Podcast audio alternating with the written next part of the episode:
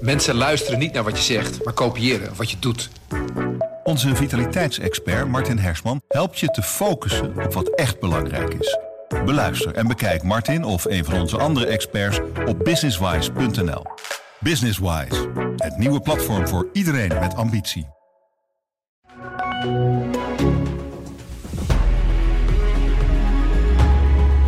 Een paar tientjes meer bij de benzinepomp en een torenhoge energierekening. De inflatie stijgt en dat voel je in je portemonnee. Volgens het CBS is de inflatie in Nederland inmiddels toegenomen tot maar liefst 3,4 procent. Peter Hein van Mulligen is hoofdeconoom bij het Centraal Bureau voor de Statistiek. Ja, de sterkste inflatie in bijna 20 jaar. Hoe zorgelijk is dat? Ja, dat is wel een opvallende stijging. Want vorige maand was de inflatie nog 2,7 procent, nu 3,4. Dat heeft alles te maken met de stijging van de energieprijzen. Gas, maar vooral eh, elektriciteit zijn flink duurder dan een jaar geleden.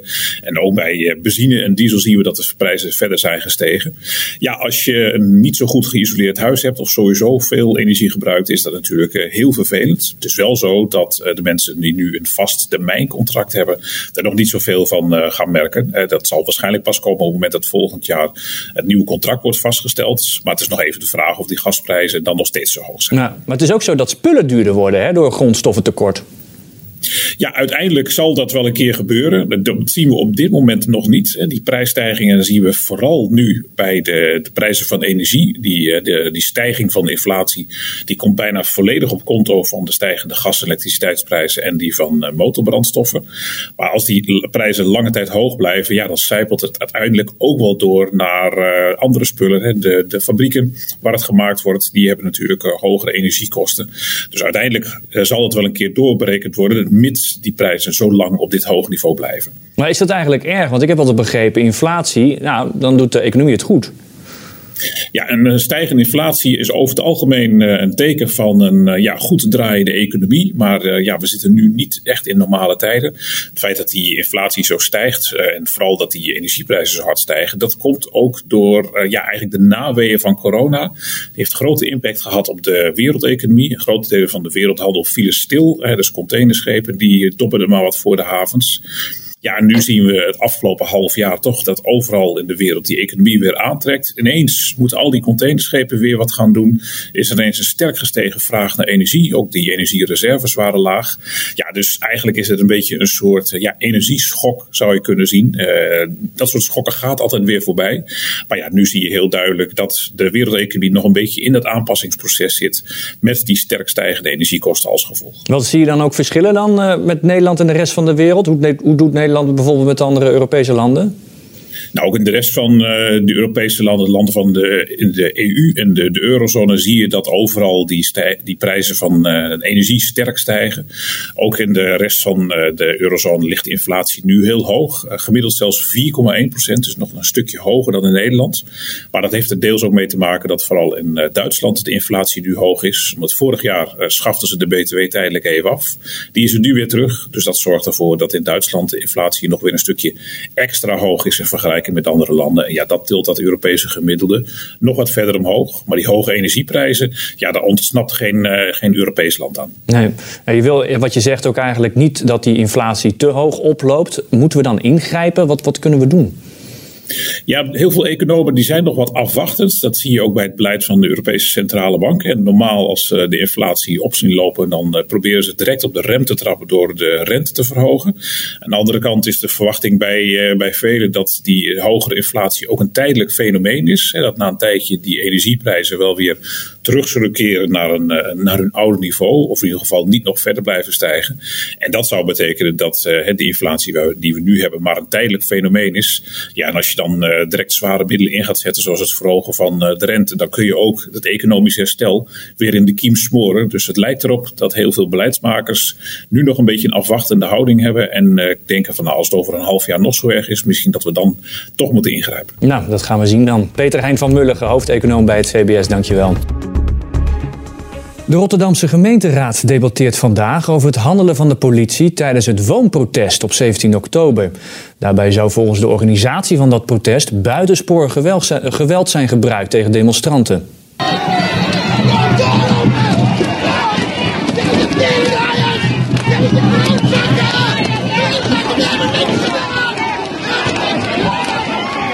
Elle Verkoelen, fractievoorzitter van 50PLUS in Rotterdam. Jij liep ook mee met dat protest, hè? Heeft de politie wat jou betreft nou juist gehandeld? Nee, ik denk dat de politie inderdaad escalerend heeft gewerkt. Ja, het kwam voor mij, wat mij betreft, uit het niets. Dus het, uh, ja, het was een verontrustende uh, actie. Maar volgens de politiechef vertoonde een groep van 40 tot 50 demonstranten opvallend gedrag. Hè? Ze droegen bivakmutsen en riepen leuzen tegen de politie. Heb jij hier iets van meegekregen? Nee, heb ik niks van meegekregen. En ik liep achter de groep.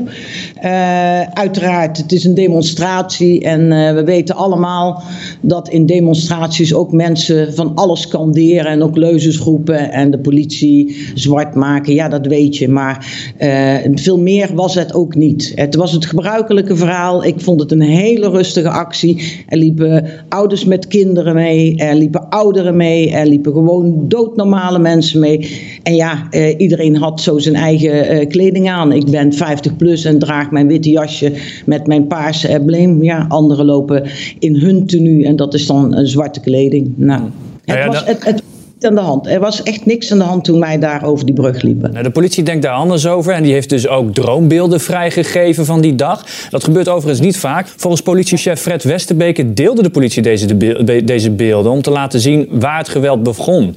dat er provocatief werd gehandeld door eh, de demonstranten. Wat vind je er überhaupt van dat de politie deze beelden naar buiten heeft gebracht? Ja, nee, dat is nog een tweede. Hè. Kijk, dat dit gebeurde vond ik al verschrikkelijk, want het heeft de demonstratie behoorlijk opgebroken. Maar dat de politie dit doet, vind ik echt een schandelijke positie. Dat kan gewoon echt niet.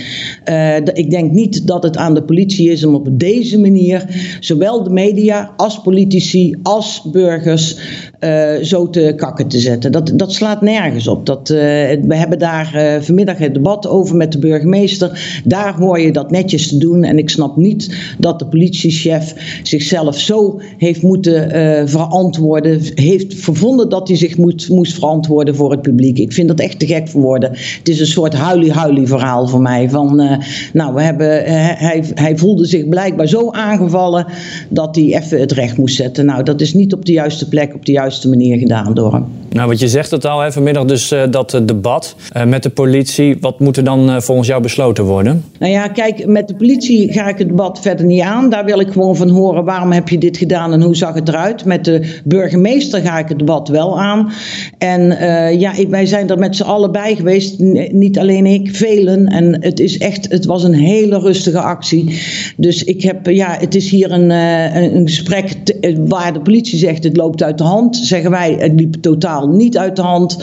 Uh, nou, laat er maar een onafhankelijk extern onderzoek komen. Niet door de burgemeester gedaan, niet door de politie gedaan, niet door de raad gedaan, maar onafhankelijk, een extern onderzoek. En dan gaan we kijken wat dat voor resultaat oplevert. Want ja, dit is natuurlijk wel een hele verontrustende actie, van, vind ik, van de politie. En waar ik toch verwacht van mijn politie dat ze de-escalerend werken, heb ik hier het vermoeden dat ze zelf escalerend gewerkt hebben. Ja, en als dat is, dan uh, ik verwacht nog wel meer uh, in de toekomst. Er is nog zat waar mensen over kunnen demonstreren. Het is ook een recht, een grondrecht. Dus ik heb zoiets van daar moeten we wel heel, heel alert op zijn dat dat op de juiste manier gebeurt. Verwacht je dat daar een meerderheid voor is dan, een extern onderzoek?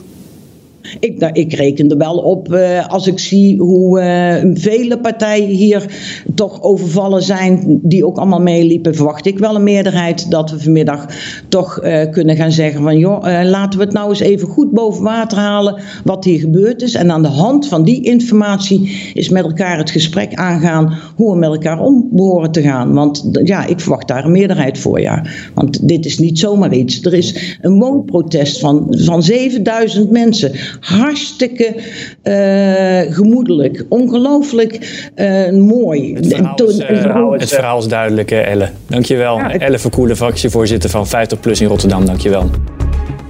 Feyenoord neemt het vanavond op in de Conference League tegen Union Berlin. Maar in Berlijn zijn vooral zorgen over de 8000 Feyenoord-supporters die vanavond in de Duitse hoofdstad aanwezig zijn. Voor het stadion in Berlijn is correspondent Casper Naber. Ja, is het uh, nog een beetje onrustig geweest afgelopen nacht? Relatief rustig zou ik zeggen. Nee, voor de goede orde, ik sta voor het Union-stadion uh, hier achter mij. Maar vanavond wordt er gespeeld aan de andere kant van de stad. Dit is Zuidoost. Uh, het Olympisch Stadion is aan de westkant.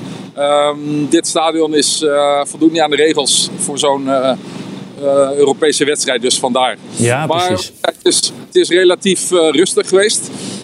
we krijgen later nog, een, nog een, een, persbriefing van de politie. Maar wat ik tot nu toe heb gezien, er is één grote politieinzet geweest, omstreeks ja, ergens tussen 10 en 11 gisteravond in Kreuzberg, in een uitgaanswijk. Daar waren blijkbaar iets van 130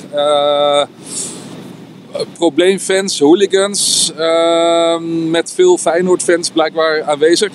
En uh, daar heeft de politie ingegrepen. Er werd vuurwerk afgestoken en uh, fakkels, rookbommen. En die groep is uit elkaar gestoven. En er zijn dan in de buurt uiteindelijk iets van 20 Feyenoord probleemfans aangehouden. Mm. of tenminste vastgehouden. Of ze zijn aangehouden, gearresteerd, dat is allemaal onduidelijk. Maar die zijn in ieder geval onderschept.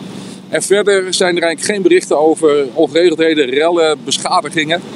Er gingen allerlei geruchten rond over hooligans uh, die elkaar gisteravond al wilden treffen. En vooral ook Feyenoord-fans die Union pijn wilden doen waar het het meeste pijn doet. En ja, dat is hier in, in stadsdeel Keupenik en, en bij het stadion natuurlijk. Um, het terrein is... Uh, ja, sowieso is, er staat een muur omheen met, met hekken. Dus het is makkelijk, of niet makkelijk op het terrein te komen. Maar desondanks was de hele nacht uh, de verlichting aan. Het terrein uh, was, was baden in een zee van licht. Er was politiebewaking, uit voorzorg allemaal.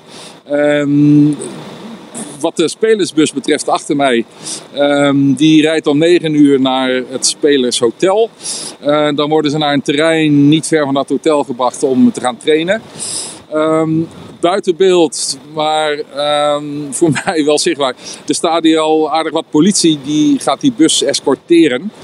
En ja, dan is de vraag wat er gebeurt. Even terug naar die hooligans. Um, er zijn de wildste verhalen over hooligans uit heel Duitsland.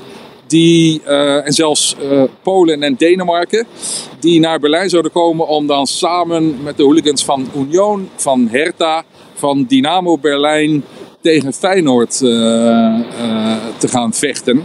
En er worden allerlei plekken genoemd waar dat uh, mogelijk zou gebeuren. Maar het is allemaal speculeren voorlopig, gezien ja. wat, het, wat het brengt. Deze, um, week, deze week even, Casper, want deze week werden nog wel twee Feyenoord supporters opgepakt hè, voor het bekladden van de Berlijnse muur. Best heftig. Ja. Hoe is daar in Duitsland op gereageerd in het kort? Nou, geschokt is misschien een groot woord, maar um, bij Union zijn ze, zijn ze werkelijk woedend. Um, maar in heel Berlijn, uh, zowel Duitsers als ook Nederlanders, uh, zijn, zijn uh, ja, woedend over zo'n actie. Dat, dat ze, dat, dat doe je gewoon niet. Uh, dat stuk muur, dat maakt deel uit van een kunstwerk en het is bovendien een monument. Uh, dat is dus een, een van de weinige stukken originele muur nog die te staan. En dat is beschilderd met, um, weet ik hoeveel kunstwerken, van 118 kunstenaars. En um, dat is dus één grote galerij, zeg maar, vanuit de East Side Gallery. En daar kom je gewoon niet aan. Er zijn elk jaar wel wat toeristen die daar ergens met een stift iets opzetten. Maar uh, dit soort kunstwerken gewoon overspuiten en, en, en daar groot Feyenoord op zetten, uh, dat is gewoon not done. En um, net zo fout is natuurlijk uh, dat de Union-fans, um, de hooligans, de ultras, daar vervolgens hun naam overheen kalkten. En uiteindelijk Um, bij wijze van geintje, maar ook totaal verkeerd. Hertha, de grote concurrent van uh, Union. Ja. Casper Naber, dank je wel. De wedstrijd Union Berlin tegen Feyenoord begint vanavond om 9 uur. En je houdt het voor ons in de gaten. Het is een grijze novemberochtend, 8 graden. Niet echt weer om een korte broek aan te trekken, zou je zeggen. Maar steeds meer mannen dragen ook, als het buiten koud is, een korte broek. Willem Baars, hoofdredacteur van JFK Magazine. Jij doet er zelf dan niet aan mee, hè, aan deze trend, geloof ik? Nee, niet echt, nee, nee. Nee, ik, ik vind sowieso of je, uh, dat je de vraag kunt stellen of uh, mannen boven de 35, uh, ja, als ze niet op vakantie zijn, een korte broek moeten dragen. Toch? Het is een beetje, het is, ja, dat, een korte broek is helemaal ingeburgerd inmiddels. En uh, het zit ook uh, super comfortabel. Maar uh, nou, ik doe er alleen mee aan mee in de vakanties. Ja, precies. Maar waarom doen mannen dit dan? Ja, dat is een goede vraag. Ik heb er natuurlijk een beetje over nagedacht. Ik heb ook gekeken of het uh, uh, vorig jaar op de catwalks te zien was bij, uh, in Milaan en in Parijs, waar de modeshows plaatsvinden. Nou, af en toe zie je inderdaad een korte broek, maar niet specifiek bedoeld voor in de winter volgens mij. Ik, ja, ik denk dat het een beetje te maken heeft met een combinatie van verlatingsangst en comfort. Het zit natuurlijk super lekker. En uh, misschien heeft corona er ook nog een beetje mee te maken. Dat, uh, dat het feit dat mensen uh, de afgelopen jaren veel thuis hebben gezeten en dachten, nou ik doe gewoon iets, iets makkelijks aan en een korte broek zit wel lekker. En uiteindelijk dat hebben meegenomen naar, naar, naar, ja, naar buiten, nu in wat minder heftige coronatijden. Maar wat bedoel je met verlatingsangst dan? Nou, verlatingsangst. Ik uh, kwam vorige week ook iemand tegen. Die had ook een korte broek aan. Met, uh, met uh, ja, Birkenstocks eronder. En een hele hippe, hippe jongen was dat eigenlijk. En hij zei: Ja, ik, wil gewoon, ik, ik geef nog niet toe aan het feit dat het herfst en winter gaat worden. Dus verlatingsangst met betrekking tot de zomer. Is het inmiddels ook al zo ingeburgerd dat je in je korte broek naar je werk kan? Nou, ik vind van niet. Maar uh, het gebeurt natuurlijk wel. En ik denk dat ook uh, bepaalde modemerken daar wel een beetje een uh, rol hebben, in hebben gespeeld. Er is een, een heel bekend korte broekenmerk. En die, die hebben de korte broek wat stijlvoller gemaakt. En ze hebben hem in, in, in 80 kleuren. En dat heeft er ook wel een beetje toe bijgedragen dat een korte broek wat mooier te combineren is tegenwoordig dan vroeger. Vroeger was het een t-shirt en een korte broek. En een korte broek zat dan ook vaak nog een beetje, een beetje lullig. Inmiddels uh, zijn die korte broeken best wel mooi geworden en heel stijlvol. En ja, dat heeft, wel, een, dat heeft wel een rol gespeeld in het feit dat mensen nu ook wat makkelijker naar hun werk kunnen dragen. Maar ja, het, is, het heeft toch ook een beetje een lullig, lullig gehalte, vind ik. Ja, want ik, als ik jou zo hoor, dan verwacht ik ook dat je die korte broek gewoon in de wintermaanden en dat het een blijvertje is. Ja, het lijkt er wel op, ja. Ja, het is misschien ook een beetje stoerdoenerij, hè. Ik, de, mensen die, die, die laten zien dat ze de, de, de kou kunnen trotseren. En um, ja, dat, dat, ja, je ziet wel meer van dat soort dingen. Dat, dat uh, ijsbaden en hier bij mij om de hoek zit een freeze lab waar ook heel veel mensen naartoe gaan. ja, misschien heeft het daar ook een beetje mee te maken. Terug naar de natuur of iets dergelijks. Je ziet ook heel veel toeristen die, die nog steeds in korte broek en, en, en t-shirtjes over straat lopen. Misschien in de veronderstelling geweest dat, dat Nederland dicht bij de Evenaar ligt. Maar ja, dan denk je ook van wow, het is zo koud momenteel. Dus, maar goed, dat, is, dat zie je ook best wel vaak. Maar het zou best een blijvertje kunnen zijn, ja. Wat je ook veel ziet is natuurlijk de trend dat korte broeken een beetje die sport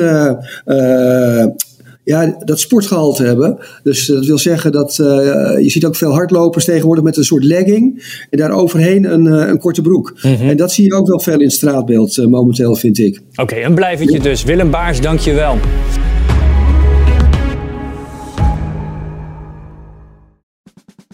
Luister ook naar onze podcast Politiek Dichtbij. In een half uur praten we hierbij over de stand van zaken op het Binnenhof. En niet alleen vanuit de wandelgangen in Den Haag, maar ook vanuit een regionaal perspectief.